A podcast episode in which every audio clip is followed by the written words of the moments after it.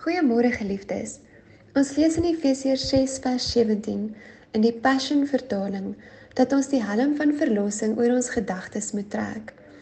Daar staan spesifiek dat die begrip van ons verlossing wat vas is in Jesus Christus, ons kan bewaar van die leuns van die vyand.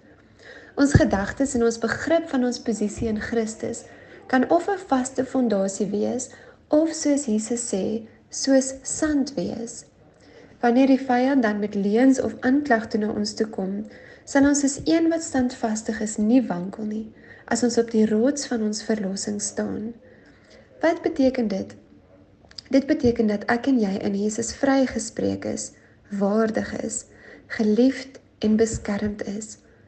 Elkeen van Jesus se beloftes is 'n rots waarop ons kan staan, sodat wanneer die golwe van onsekerheid ons wil tref, ons binne die begrip van die rykdom van ons verlossing sterk kan staan en nie saam met die golwe weggespoel sal raak nie. Mag jy vandag die rykdom van jou verlossing weer begryp. En as jy nie weet wat hierdie groot voordeel als behels nie, gaan lees gerus weer Psalm 91 of 103 en word versterk in jou gedagtes oor jou vaste posisie in Jesus Christus en jou veiligheid binne sy beskerming. Omhels jou gedagtes met sy woord en weet jy is veilig in hom. Ek bid dit vir jou in die naam van Jesus Christus. Amen.